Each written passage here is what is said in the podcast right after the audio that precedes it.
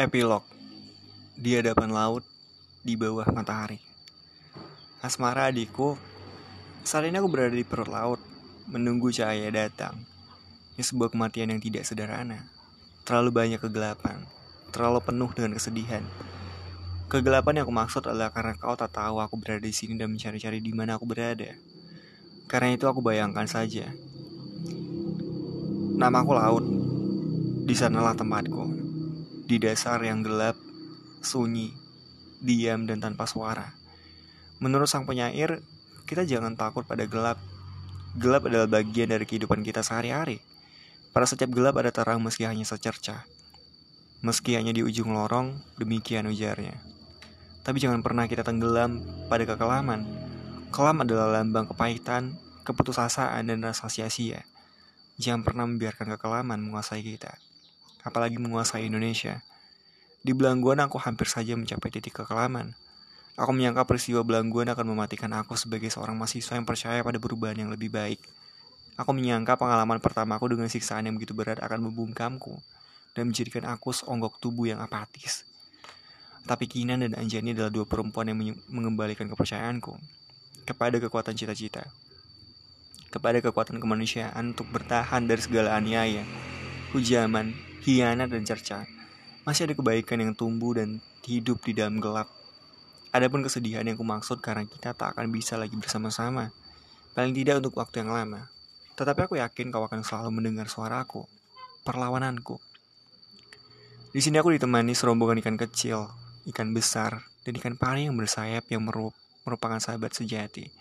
Aku percaya pada apa yang dikatakan Alex bahwa para ikan kecil akan naik ke permukaan jika mendengar suara emas para pelaut yang membujuk badai agar mereda. Karena Alex adalah sahabatku dan dia adalah kasihmu. Aku percaya dengan kata-katanya yang selalu diucapkan dengan tulus dan dengan suara penuh irama. Maka aku titipkan pesan kepada ikan-ikan ini, kecil dan besar, kuning maupun biru juga kepada ikan pari terbang yang akan melompat terbang. Karena suatu hari mereka akan menyampaikan ceritaku padamu. Pesanku sungguh panjang dan terdiri dari serangkaian babak. Karena kematian yang kualami, yang juga dialami Mas Gala dan kawan-kawan lain, adalah akhir hidup yang tak mudah. Apa yang terjadi sejak penculikanku ku ceritakan dan kutitipkan melalui kepak sayap ikan pari yang akan menghampirimu. Kau akan memahaminya, karena kita sudah saling meninggalkan jejak sejak anak-anak. Asmara adikku, aku menyayangimu. Kau dengan segala kemarahanmu pada aku karena aku sering meninggalkanmu, juga menyayangiku. Hanya kepadamu aku bisa meminta tolong untuk meyakinkan Bapak, Ibu dan Anjani beberapa pesan yang harus mereka dengarkan dan jalankan. Aku tahu setelah kami semua diculik, pasti kau, Anjani dan semua kawan-kawan serta para orang tua dengan tabah mencari kebenaran, menyusuri jejak kami, mendeteksi sisa-sisa tetesan darah kami yang mungkin tercecer di antara pasir dan daun atau aroma tubuh kami di perairan ini. Pasti itu bukan sesuatu yang mudah. Tetapi aku menyadari, mencari kebenaran tentang apa yang terjadi pada kami adalah sebuah perjalanan panjang. Jika jawaban yang kalian cari tak kunjung datang, jangan menganggap bahwa hidup adalah serangkaian kekalahan. Di dalam upaya yang panjang dan berjilid-jilid itu, pasti ada beberapa langkah yang signifikan. Aku tak tahu Indonesia macam apa yang kalian alami sekarang. Aku harap jauh lebih baik dibanding di masa hidupku dan aku harap tak ada lagi penculikan dan pembunuhan terhadap mereka yang kritis. Seandainya belum ada satu pimpinan pun yang menunaikan janjinya untuk mengungkap kasus kematianku dan kematian semua kawan-kawan, maka inilah saranku. Kalian semua harus tetap menjalankan kehidupan dengan keriaan kebahagiaan. Sampaikan pada ibu, bapak, dan Anjani, jangan hidup di masa lalu. Di saat aku masih menjadi abangmu yang jahil dan sering membuat dapur ibu berantakan. Jangan terjebak pada kenangan yang membuat kalian semua tak bisa meneruskan hidup. Jangan hidup di antara asap gula yang asap gula tengkleng yang meraup yang meruap dari panci burik ibu dan jangan pula kalian melesap ke dalam halaman buku-buku milikku sembari terus-menerus mengunjungi ruang-ruang fantasi itu bersamaku. Mulailah hidup tanpa diriku, tetapi tetap kenang aku sebagai seorang kakak atau putra yang sangat mencintai kalian dan berusaha menunjukkannya dengan merawat beberapa jengkal negeri ini. Maafkan aku tak bisa menahan diri untuk tak menggunakan kata-kata besar seperti negara, anak bangsa, revolusi yang membuat matamu berputar-putar karena menurutmu itu terlalu abstrak. Kepada bapak, katakan padanya, sumbangkanlah buku-buku milikku ke perpustakaan sekolah yang membutuhkannya. Isilah rak bukuku dengan buku-bukumu yang baru. Dengan demikian kalian bisa berdiskusi tentang buku-buku baru karya para sastrawan yang belum sempat kita sentuh. Karena sesungguhnya masih berjuta-juta karya di dunia yang harus kita bisa hayati. Nikmatilah. Sampaikan padanya aku akan selalu memberi pesan melalui alam. Ikan, dedaunan dan kuncup bunga yang belum mekar. Sampaikan kepada ibu bahwa beliau adalah koki terhebat yang pernah ku kenal. Semua bumbu dan resep ku pelajari darinya dan jangan pernah berhenti menciptakan resep baru seperti halnya jangan pernah berhenti memulai hari baru tanpa aku. Aku akan selalu ada, tapi ibu dan bapak hanya berpisah sementara denganku. Kita pasti akan bertemu lagi suatu hari, entah dalam bentuk apa, tetapi aku tak ingin ibu selalu berada di satu titik yang sama di dapur itu, seolah memasak bersama aku. Ibu harus bisa memulai harinya dengan memasak denganmu atau bapak, atau mbak Mar, atau kawan-kawan yang lain. Katakan, takkan ada ibu yang bisa menggantikan dirinya bagiku, bahkan di alam baruku ini. Di mana aku tak bisa lagi merasakan bau hujan yang mencium tanah atau leher kekasih yang beraroma bedak. Entah bagaimana aku masih ingat bau dapur ibu setiap kali dia memasukkan campuran kemiri, kunyit, cabai, bawang, dan santan cair itu. Yang terberat adalah menyampaikan pesan ini kepada Anjani. Aku mencintainya sepenuh hati. Kalau saja usia aku lebih panjang, dialah perempuan yang kuinginkan untuk bersama-sama membangun serangkaian huruf yang bentuk kata. Kata menjadi kalimat dan kalimat menjadi sebuah cerita kehidupan. Ketika aku bertemu pertama kali dengannya, tentu saja itu perasaan remaja yang merasa sudah dewasanya karena kami sudah disebut mahasiswa. Apalagi dia juga pembaca Ramayana dan Mahabharata.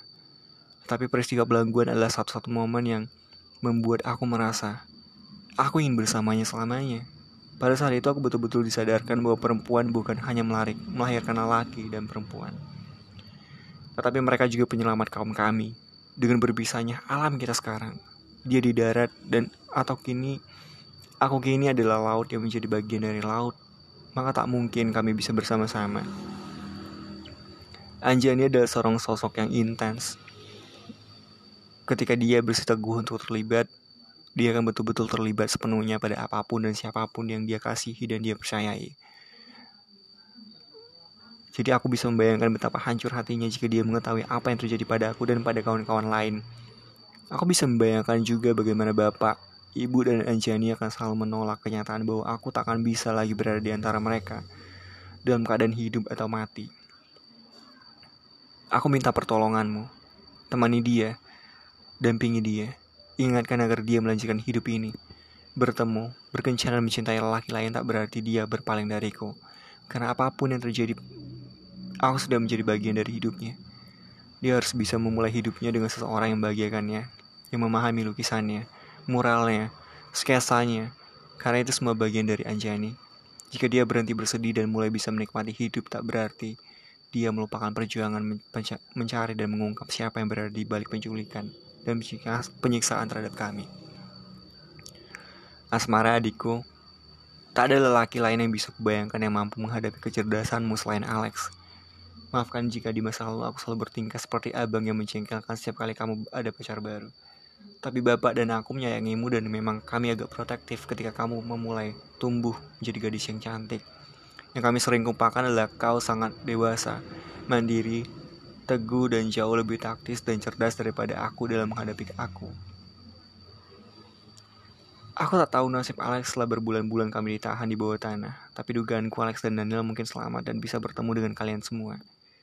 Jika dugaanku memang benar, bersabarlah karena Alex dan Daniel mengalami trauma yang agak panjang dan dalam. Pengalaman penganiayaan dan sisaan yang kami lalui tidak enteng. Dan jika mereka selamat secara fisik, belum tentu mereka langsung bisa beradaptasi dengan masyarakat dengan mulus tanpa bantuanmu dan kawan-kawan.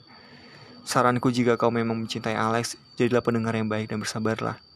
Suatu hari, niscaya dia akan mendengar suara hatinya sendiri dari lubuk hati yang paling dalam asmara. Kukirimkan semua pesan ini melalui sayap-sayap ikan pari, melalui bunyi rintik hujan ketika menyentuh tanah dan mulai melalui bunyi kapak, bunyi kepak burung gereja yang hinggap di jendela kamarmu. Aku yakin kau akan bisa menangkap pesanku, membaca ceritaku, dan aku percaya kau akan menceritakan kisahku kepada dunia. Kakakmu, sahabatmu, biru laut, Wibisana.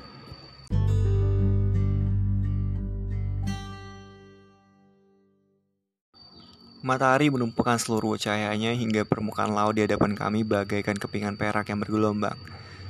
Sesekali gelombang perak itu menyilaukan mata kami sehingga pada dan Bude Jewel yang pertama melepas karangan bunga dengan potret Julius Sasongko 1970 sampai tidak diketahui. Ke tengah laut, terpaksa menutup kedua matanya. Lalu disusul baru membawa sekeranjang bunga yang seluruhnya berwarna kuning dan coklat dengan gambar kupu-kupu yang ditancapkan di atas bunga serta foto Toro yang kemudian dilepas ke tengah laut. Sembari terdengar suara flute lagu Here Comes the Sun dari The Beatles yang dimainkan Layang dan Seta. Kedua adik Kinan, Ibunda Kinan melepas satu krans bunga besar dengan potret hasil keraman Alex. Kasih Kinanti 1907 sampai dengan tidak diketahui. Dengan wajah Kinan yang saat itu masih berambut panjang sebahu dan sepasang mata yang berseri-seri. Mbak Yuni membawa serangkaian roncong lat yang digantungkan pada sebuah tiang kecil yang bertuliskan sebuah puisi karya Mas Gala yang diberikan pada Mas Laut pada ulang tahunnya yang ke-25. Matilah engkau mati, semoga engkau lahir berkali-kali. Betapa cantiknya ronce melati dan puisi itu dilepas bersama satu krans bunga dari orang tua Dana, orang tua Narendra dan ibu Wid, Ibunda Widi bersama-sama melepas foto rekaman masa kecil mereka dan foto masa dewasa yang juga merupakan hasil rekaman Alex di, mata, di mana Narendra dan Widi tengah berpeluk bahu. Foto-foto itu tertancap berdiri di atas sampah berisi setumpuk kelopak mawar warna merah. Terakhir ibuku yang tertatih-tatih membawa sebuah kerans kecil dengan 27 lilin kecil yang ditancapkan di atas rangkaian bunga mawar dan lilin putih dan lili putih. Sebuah potret karya Alex yang memperlihatkan profil Mas Laut dari samping yang sedang memandang Anjani di hadapannya. Meski Anjani hanya tampak sebagian, kita bisa melihat wajah Mas Laut yang bersinar dan bahagia. Alex merekam pada momen yang tepat Alex, Daniel, Anjani, dan aku membantu ibu menyalakan lilin itu satu persatu sebelum akhirnya ibu mencoba ikhlas melepas krans itu seolah dia tengah melepas jenazah mas laut. Ibu mengusap-ngusap karangan bunga dan foto itu sembari mengucap doa dan berlinangan air mata. Tulisan nama biru laut 1971 sampai dengan tidak diketahui. Itu diciumnya dan barulah dia melepasnya ke tengah laut menyusul karangan bunga kawan-kawannya. Anjani tampak mencoba untuk menahan air mata. Hari ini dia sudah menjadi Anjani yang wajar, jernih, fokus dan kembali berkawan dengan air mandi. Jari-jarinya dengan kuku yang bersih itu kini menyematkan selai potongan cerita pendek. Rizky belum pulang. Di sisi krans. Lalu dia menyebarkan kelopak-kelopak bunga ke laut mengiring krans mas laut sembari sekali dia memegang tanganku. Rambut Alex yang kini sudah semakin tebal dan ikal tertiup angin menatap semua kerans yang saling bergerombol perlahan meninggalkan kami diiringi ragu karya George Harrison itu. Daniel, Coki, Abi, dan Hamdan berdiri di belakang barisan Anjani, Alex dan aku, sementara Arga, Hakim, dan Nartama kini menjabat giliran memotret. Kecuali Nartama yang menggunakan kamera profesional, Arga dan Hakim menggunakan kamera kecil. Kerumunan karang Karangan bunga dan keras serta lilin-lilin yang menyala itu perlahan menjauh dari kami yang berdiri di pinggir seperti mengucapkan selamat jalan kepada serombongan anak-anak tercinta. Dari kejauhan, aku melihat dua ekor pari terbang dan meloncat berkali-kali entah mengapa kapak sayapnya mengeluarkan bunyi dengan ritme yang teratur. Seperti Morse, atau aku saja bermimpi. L A U T B E R C E R I T A Aku menggenggam tangan Alex dengan erat tanpa berani menyebut apa yang berkecamuk di kepala aku. Benarkah bunyi Morse itu? Atau hanya aku yang berharap demikian? Alex menatapku bertanya, tapi aku membisikkan betapa foto Mas Lau dan kawan-kawan sungguh mengharukan. Sungguh memberi sebuah cerita. Kedua ikan pari terbang kembali berloncatan mengawal sekumpulan karangan bunga dan lilin-lilin yang tak kunjung mati. Meski sudah diganggu angin, kepak sayap mereka terdengar lebih keras. Meski kedua ikan itu Meski kedua ikan itu tetap bertebangan, agak jauh dari kami sekali lagi lupakan kepakan itu terdengar penuh ritme. Laut bercerita, tidak, ini harus kusimpan sendiri sampai aku yakin aku harus kembali lagi ke sini sendiri. Tahun sudah berganti memasuki 2008 dan masih mempunyai banyak pekerjaan rumah yang menanti karena sejauh ini belum memperoleh perkembangan apa-apa yang besar. Hilangnya Mas Lau dan kawan-kawan sudah diramaikan media, diangkat sebagai drama, musik, dan berbagai medium. Tapi kami ingin pemerintah mengungkap kasus ini hingga tuntas. Mungkin aksi payung hitam setiap hari Kamis bukan sekedar sebuah gugatan, tapi sekaligus sebuah terapi bagi kami dan warga negeri ini sebuah peringatan bahwa kami tak akan membiarkan sebuah tindakan kekejian dibiarkan lewat tanpa hukuman. Payung hitam akan terus-menerus berdiri di hadapan istana. Jika bukan presiden yang kini menjabat yang memberi perhatian, mungkin yang berikutnya atau yang berikutnya. Kami percaya pada kedalaman dan kesunyian laut dan kami percaya pada terangnya matahari. Kami juga percaya Mas Laut, Mas Gala, Sunu, dan Kinan, dan juga kawan-kawan yang lain akan lahir berkali-kali. Jakarta, 7 September 2017